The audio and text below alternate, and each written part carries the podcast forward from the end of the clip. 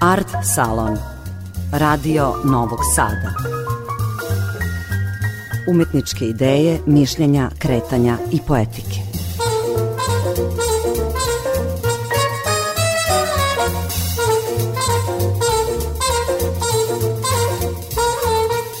Dobro vam veče, dragi slušaoci. Ovo je Art Salon, emisija o kulturi i za kulturu Radio Novog Sada. Ja sam Aleksandra Rajić i za večeras vam za slušanje nudim jednu zvučnu belešku načinjenu u ogranku Srpske akademije nauka i umetnosti u Novom Sadu sa večeri na kojoj je gost bio reditelj Želimir Žilnik. Razgovor je uredio i moderirao Siniša Bokan, dekan i profesor na Akademiji umetnosti u Novom Sadu, koji je i sarađivao sa Žilnikom na filmovima. Reditelj Želimir Žilnik je umetnik velikog iskustva, osobenog očaravajućeg filmskog izraza, ogromne energije da kamerom obuhvati život i volje za rad sa mladima. Onima koji su zainteresovani za podrobnije razgovore sa rediteljem preporučujem pre svega knjigu Uvod u prošlost, razgovore Borisa Budena sa Žilnikom. To se može preuzeti na sajtu Centra za nove medije kuda.org. Večeras, dakle, samo nekoliko momenata kao tvari od koje nastaju njegovi filmovi. Reditelj Žilnik o tome kako je sve počelo. Moja generacija, mi smo završili gimnaziju 61. godine, To je bila ta generacija koja je praktično imala prilike da gleda u novosadskim bioskopima, kao i u beogradskim bioskopima, faktički neverovatno bogat strani repertuar, jer je Jugoslavija krajem 50. i u 60. godinama, odnosno od sredine možda 50. i u 60. godinama, imala neku veliku kulturnu otvorenost, a moguće s obzirom da smo bili ta socijališka zemlja koja je sarađivala imala kulturnu razmenu sa Zapadom, dakle mi smo tu gledali ne komercijalne filmove, bilo je njih, bilo je tih mjuzikla, bilo je kaubojskih filmova, ali mi smo gledali u našim bioskopima, naravno recimo ovde u Jadranu ili recimo u Tanuđićevoj palati, mi smo gledali filmove Bunjuela, filmove, na primjer, italijanskog neorealizma i onda tamo negde od 57. 8. godine u bioskopima smo gledali ceo francuski novi talas od Godara, Trifoapa do drugih. Za tadašnji živalj je zapravo e, kinematografija bila možda e, mislim jedina precizna informacija kako se živi sa drugih strana granica. Dakle, nismo mi te filmove gledali samo zbog njihovog stila ili zbog, ne znam, izvanrednog scenarija i režije, nego smo gledali Novi talas da vidimo kakav je Pariz i da vidimo kako se oblače i kak, kako komuniciraju i Bunjela smo gledali da, da vidimo kakva je Španija i onda kad je došao Bergman, mi smo praktično Skandinaviju gledali preko, mislim, kulturu, svakodnevni život, karaktere i nekako njihove drame ili njihove komedije. Znači, kino je bio magnetičan, bio je magnetičan, ispred bioskopa su uvijek bili redovi. Ja sam detinstvo do svoje 40 godine, 30-40 godine imao u Zemunu kod dede i babe, pa sam ovde prešao kod, u Novi Sad kod, kod tetke da živim, tako da se sećam već, već kao klinac razume se, tada još taj repertoar nije bio tako otvoren, ali za nas je bioskop bio apsolutno prozor u svet. Mi smo klinci, pored toga što smo gledali filmove, mi smo pomalo i profitirali kao tapkaroši. Stali bi 3-4 sata ranije u red za kartu, pa bi kupio 10-15 karata, pa bi to malo prodali. Jednostavno, mene taj film nekako magnetizirao još, još kao dete. E sad, desilo se da je, kad sam ja bio 18-19 godina, da sam onda saznao da postoji taj pokret kinoklubova u celoj Jugoslaviji, jako dobro organizovan i sa, sa ljudima koji su već na neki način omirisali taj zanat i u Novom Sadu smo imali jedan ovaj kinoklub Novi Sad, vrlo dobar, tu je čitava jedna generacija Slavoj Hadžić, Branko Milošević, Petar Latinović, to su radili ja sam se prijavio u taj kinoklub i zapravo ne znajući da li ću biti pre svega veš, sposoban da pravim te amaterske filmove, desilo se jednostavno da mi je tu da mi je to pošlo od ruke imao sam te dobre snimate kao što Slavio Hadžić, Peratinović, Dušan Ninko jel? I u ono vreme čak i sad ima amaterskim filmovima, takva je bila kod nas kulturna politika, da u stvari su ti amaterski filmovi na neki način bili neka proba ili, ili izazov e, za ljude koji će da se kasnije bave, ne znam, kratkometražnim filmom. E sad, desilo se da sam posle gimnazije, znači 61. godine, u gimnaziji Moša Pijade, smo ovaj, imali jako mnogo kulturnih e, priredbi, izložbi, poetskih večeri i to je bilo primećeno u gradu i na kraju školovanja kod nas su došli ljudi iz omladinske organizacije da pogledaju tu, tu priredu i pozvali su Vegila i mene. Kaže, slušajte, mi imamo tu tribinu mladih u Novom Sadu, svake dve, tri godine menjamo urednike da budu mladi urednici, nisu ni zaposleni. Evo vas dvojica koji se napravio od ovu priredbu, dođite vi da vodite, ja da budem glavni urednik tribina mladih, a Vegel da bude urednik mađarske redakcije. E sad, na tom poslu koji smo mi prihvatili kao 18. godišnjaci i 19. godišnjaci, razume se, bila je onda ogromna mogućnost da krene, da mi krenemo neku našu inicijativu, da pozivamo filmađije, da, da, da pozivamo i ono što je u tom momentu počelo da se od jugoslovenskog filma afirmišu u svetu, a to su pre svega bili kratkometražni filmovi. Znači, u svim glavnim gradovima Jugoslavije, Beograd, Zagreb, Ljubljana, Skoplje, e, Podgorica, u Makedoniji takođe su ovaj, bile, bile filmske e, firme za kratkometražne filmove posebno i za dugometražne filmove. I ti naši dokumentarni filmovi tog vremena su bili okrenuti onome što se dešavalo. S jedne strane to je obnova izgradnja te zemlje, a s druge strane bili su okrenuti ka snimanju nekih tradicionalnih stvari od recimo kulture, od peseva, igara, od e, recimo iz ličnih memorija i sećanja, tako da su kratkometražni filmovi tada nama delovali dosta dostupno, bilo je traženo e, od mladih ljudi ukoliko ima neku ideju da rade već te profesionalne kratkometražne filmove. I dakle mi smo ja sam prvo kao organizator filmskih večeri a onda vrlo brzo kao taj kinoklubaš krenuo da se bavim tim medijem a razume se pošto sam bio na tribini mladih, nisam mogao da, da upišem akademiju, da pokušam da upišem akademiju. I sad, srećom, tu mi je pomogao moj ujak, Milenko Švaković, koji je bio i direktor drame Srpskog narodnog pozorišta, jedno vreme bio umetnički direktor ovaj, Stevnjevog pozorja i do, dosta dobar reditelj sa nekoliko nagrada. Mi smo bili vrlo bliski kad sam bio u Zemunu, sa njim sam živeo. On je završio pravni fakultet. I on mi je rekao, slušaj, ako hoćeš da ideš na akademiju, pazi, u ono vreme se još moralo da završi takozvani normalan fakultet.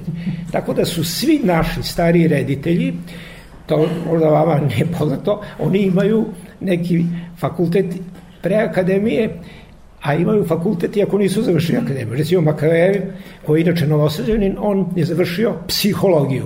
Živojin Pavlović, koji je iz istočne Srbije, on je završio primenjenu umetnost. Saša Petrović je istoričan umetnosti. Marko Babac je doktor. I tako dalje, i tako dalje.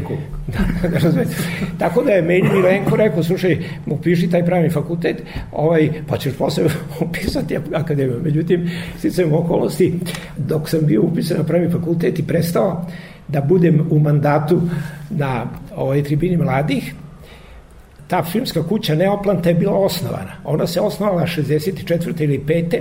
tako od jedan puta iz potrebe pokrajine. Bila je ogromna poplava e, koja je stravično devastirala mislim i njive i neka sela i šta znam i onda su vojvođanski funkcioneri hteli da se to snimi, da se zabeleži kao velika dokumentacija, ali ne, sve su ekipe bile e, zaposlene i neko je imao ideju, ja tu nisam ni bio prisutan, da i da formiramo naše filmsko preuzeće, pa da onda možemo da iznajmujemo kamere i da, da snimamo tu taj užas koji se dešavao, a i obnavljanje i veliki entuzijazam ovaj novosađa, vi ne možete zavisite, voda je bila skroz oko izvršnog veća, dakle totalno, gde su danas limani, to je, to je bila stara industrijska zona potpuno pod vodom, a da ne govorimo na drugim mestima, i oni su to odlično uradili. Ja sam, dakle, prvi svoj profesionalni rad na filmu mi je praktično bio asistent režije kod Makaveva 65. Makaveva sam ja u stvari upoznao preko te tribine mladih, tu smo dovodili njega i Purišu Đorđevića i Žiku Pavlovića i kad je on radio ljubavni slučaj službenice PTT, on me pozvao, kaže, treba mi jedan mlađi asistent, budi asistent, tako da sam ja onda ovaj, prvi put bio u prilici da uđem u velika studija, to se radio na Zavalu, ti naši studiji su radili u, u to vreme, pored domaćih filmova, u stvari i procentualno mnogo zahtevnije projekte, velike međunarodne koprodukcije sa italijanima, sa nemcima, sa čini se da je bila nešto i sa Amerikancima i tako da tako da nije to, kako da vam kažem, izmišljotina, kad vam kažem kad bi naša ekipa recimo otišla da pije pivo u Avala filmu u njihov kafić, tu je sedeo uh, Orson Welles, tu je sedeo Heidi Kruger, tu je sedela Silva Koščina, a ovi kevni su neki, bežite, bežite dok oni ne popiju, pa ću vam onda dati. U svakom slučaju, ja sam radeći s Makavejim dva meseca na igranom filmu, praktično ono što treba da se nauči o komplikacijama, jer film je jedna komplikovana, složena stvar, o komunikaciji cele ekipe, o odnosu između tih autora s jedne strane, glumaca s druge strane i ove ekipe bez koje se ne može. Znate, mi svi kažemo film je autorsko delo jednog reditelja, eto sad Makavejev i tako da je. Ne, film je deo film je deo praktično kolektiva. Film je u stvari nešto što A rediti ne može nikada uradi sam kao što može pisac da napiše knjigu i slika da pravi sliku. I ja sam, čini mi se, tu malo ukapirao čitav tu stvar. Javio sam se u Neoplantu, E sad možete misliti šta je to bilo smešno. Oni su imali te divne, talentovane mladiće, ali niko od njih ne bi radio u, u nekom velikom preuzeću. Ja kažem, kad sam otišao, evo, ovo je moj ugovor sa Avala filmom, jer mogu nešto kod da zaradi. Sveta Udovički, koji je bio direktor, jedan fantastičan praktičan i kreativan s jedne strane, otvoreno kaže, pa ti već imaš iskustva, ajde radi svoj prvi film. I tako sam ja napravio svoj prvi film, e, zove se žurnal Omladin na selu Zimi, koji je odmah imao i jako veliki, da kažemo, jako veliku podršku kritičara, recimo 80%, 80% imao protivnika, dobio čak i dve, tri nagrade i onda to je tako počelo.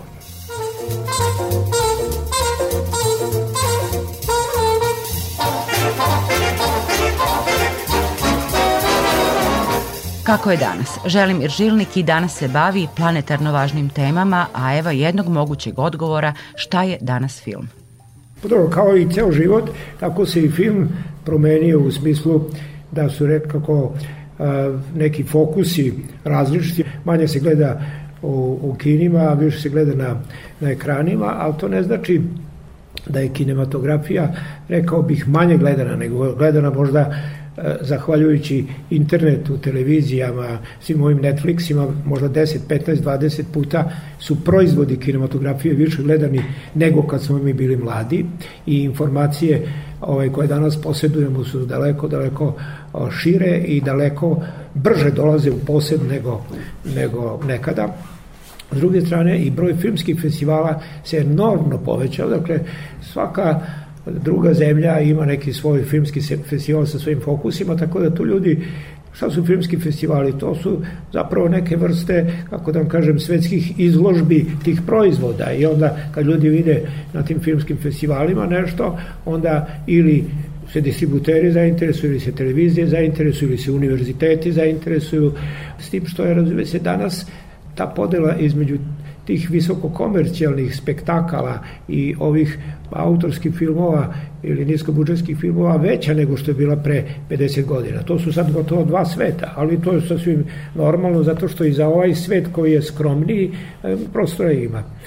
E sad, da li e, je neka ta recepcija sada e, intenzivnija i tako dalje? Ne, nego, nego ta otvorenost postoji, jugoslovenski, odnosno srpski sad, a i ex-jugoslovenski film mladih autora je dosta dobro poznat i prihvaćen ovaj, u svetu i cenjen, tako da ukupno gledajući i srpski filmovi, a i filmovi iz drugih republika, ovaj, tih najmlađih autora, oni gotovo ravnopravno mogu da se mere sa onim što se proizvodi u toj njihovoj generaciji pravi po, po Evropi i po svetu. Treća stvar, šta je povećalo možda neko interesovanje za moje filmove, tako da smo poslednjih 10-15 godina imali ovaj, zaista te velike retrospektive u svim najvećim gradovima od e, Južne i Severne Amerike do Turske i Tajvana smo imali retrospektiva, to je to što su jednostavno ti filmovi, ja bih rekao tako, ukorenjeni u onu stvarnost odakle potiču i nekako donose možda neke elemente i neke pulsacije iz tih kultura, iz tih zajednica, ovaj, iz tih jezika koje nisu poznate. E sad, kako ja, kako se odlučujem da neku temu artikulišem? Pa samo tako, samo u komunikaciji sa ljudima koji na izvestan način su pod pritiskom te teme, odnosno tog segmenta društva ili su eventualno u nekoj kreativnoj komunikaciji sa tim. Naprimer, jedan najjednostavniji konkretan primjer. Pre recimo tih nekoliko godina u komunikaciji sa austrijskim producentom ja samo postavim jedno pitanje, reko, slušaj, mi imamo ovde na hiljade migranata koji prolaze kroz Srbiju i kroz Balkan i kad ih ti pitaš gde idete, gde ćete da se zadržite, hoćete biti na selu ili u gradu, oni kažu, ma ne, ne, mi samo hoćemo da prođemo kroz Srbiju zato što idemo u Europsku uniju. Prvo idemo u Austriju, posle možda u Nemačku, posle možda idemo u skandinavske zemlje. I sad ja pitam tog producenta, jer dolaze kod vas dosta ovaj migranata i da li oni ostaju u vašoj zemlji? Kaže da, Austrija kao i sve druge evropske zemlje ima veliku potrebu za radnom snagom. Kaže kod nas je ostalo već recimo 250.000 migranata i mi smo im dali, dali dokumente. I ja kažem, ovaj, pa dobro, evo, ja bih sad hteo da snim jedan film kako ti Afganistanci, Iranci, Sirici, kako oni postaju Austrijanci pokaže dobro, dobro dođe, ajde da vidimo. I sad ovaj, nas dvojica krenemo da razgovaramo sa migrantima. Ja čujem odmah prvu stvar koja me ovaj, šokira. Dakle, razgovaram sa nekim starim Afganistancima i kažem, vi ste sada u Austriji, jer vi znate da je to zemlja velike kulturne tradicije i jedne velike carske tradicije. Austrija je 250-300 godina bila jedna od najvećih država u Evropi, prostirala se, sad ja kažem, sve tamo do Rumunije i Ukrajine i tako dalje. I reko, imaju dinastiju koja je trajala 500 godina, to su Habsburzi. A Afganijanci stanac kaže, jeste, mi smo ovde prijatno primljeni, ali vidimo, to je više seljačka zemlja ovo što kažete, ta dinastija od 600 godina, kaže, naše afganistanske dinastije su pre 3000 godina bile na vlasti po 800 godina. I sad počne, oni imaju tu verbalnu kulturu koju su zapamtili, sad počne da govori neke njihove sage i tako dalje, tako o čemu mi nemamo pojma. I, i sad ja kažem ovom producentu, evo, to, to, to je zanimljivo, to je ta tema i mi krenemo da napravimo film oko, razume se, tih sad njihovih dvostrukih identiteta i razume se, Mi smo napravili film sa njima, taj film je onda krenuo malo uz skepsu ovaj, Austrijanaca, jer ja sam rekao neka se film zove najlepša zemlja na svetu, most beautiful country in the world. I Austrijanci su bisi Evo, kaže, ti si rekao, kao što one ankete govore, da je Beč najbolji nepški grad na svetu. Pa rekao, pogledajte film. Kad su pogledali u film, Afganistan kao unuka pita dedu, a deda, mi smo ovde u Austriji koja je najlepša zemlja na svetu? Kaže, samo Afganistan. Nema lepše zemlje nego Afganistan. Ali u svakom slučaju, glavni glumac tog filma, koji se zove Bager, imao je 23 godine, napravio veliku ulogu, on je sad zvezda Burg teatra u e, Beču. Igrao je jedan šile, ja sam bio u Beču pre 6-7 meseci, on igra glavnu ulogu u jednom Šilerovom komadu na nemačkom jeziku.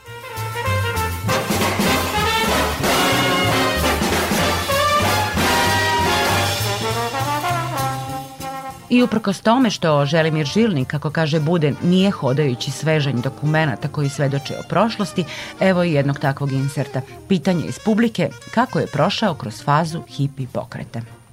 Dakle, šta se desilo nama filmađijama jugoslovenskim ovaj, 69. godine?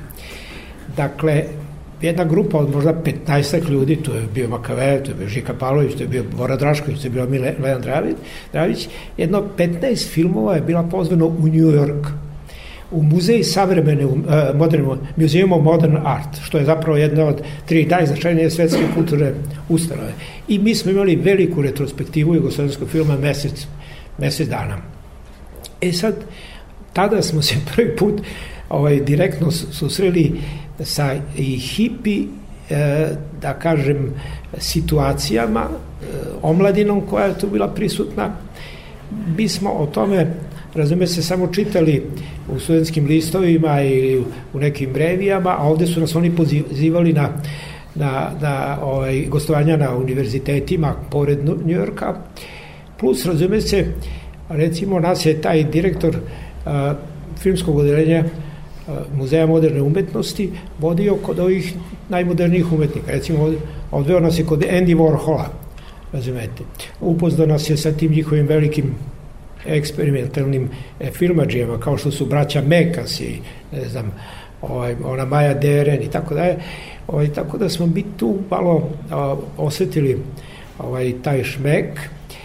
A, moram priznati, smešno je koliko smo mi bili tada kruti, ovaj, u odnosu na ove klince i, i koliko je njihova, njihova muzika i njihovo ponašanje nas mlađe ovaj, na neki način uzdrmalo ili oslobodilo. Eto, to, to su te neke, ne, neke moje prve, vi pitate, tada smo svi počeli da pratimo šta se dešava i u, razume se, ovim e, tenzijama oko Vijetnamskog rata s jedne strane i drugo tenzijama oko afro, statusa afroamerikanaca, tako da smo prvi put imali i veliki broj, odnosno određeni broj kolega afroamerikanaca sa kojima smo kontaktirali.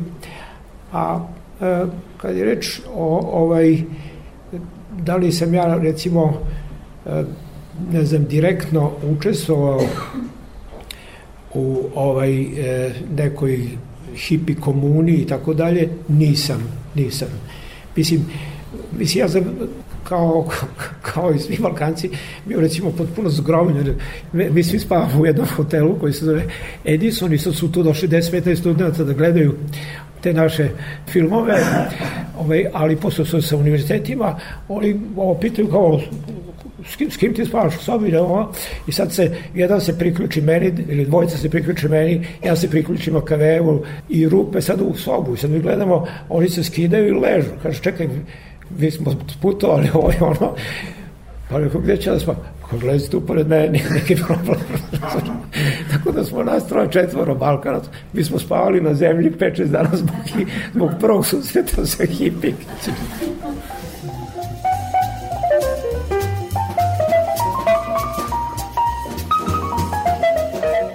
Slušali ste reditelja Želimira Žilnika izbor iz razgovora koji je u Novosadskom ogranku Akademije trajao gotovo dva sata. Pozdravljamo vas, Zoran Gajinov, Marica Jung, ja sam Aleksandra Rajić, želim vam prijatno večer.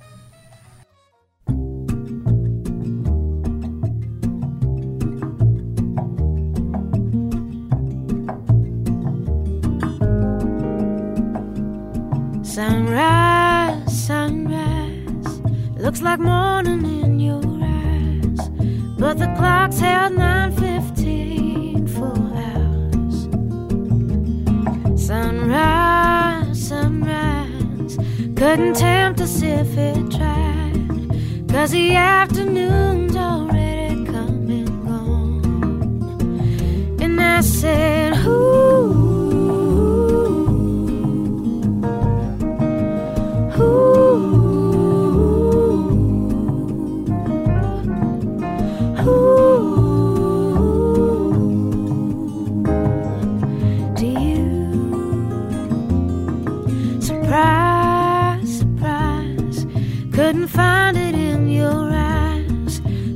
sure it's written all over my face.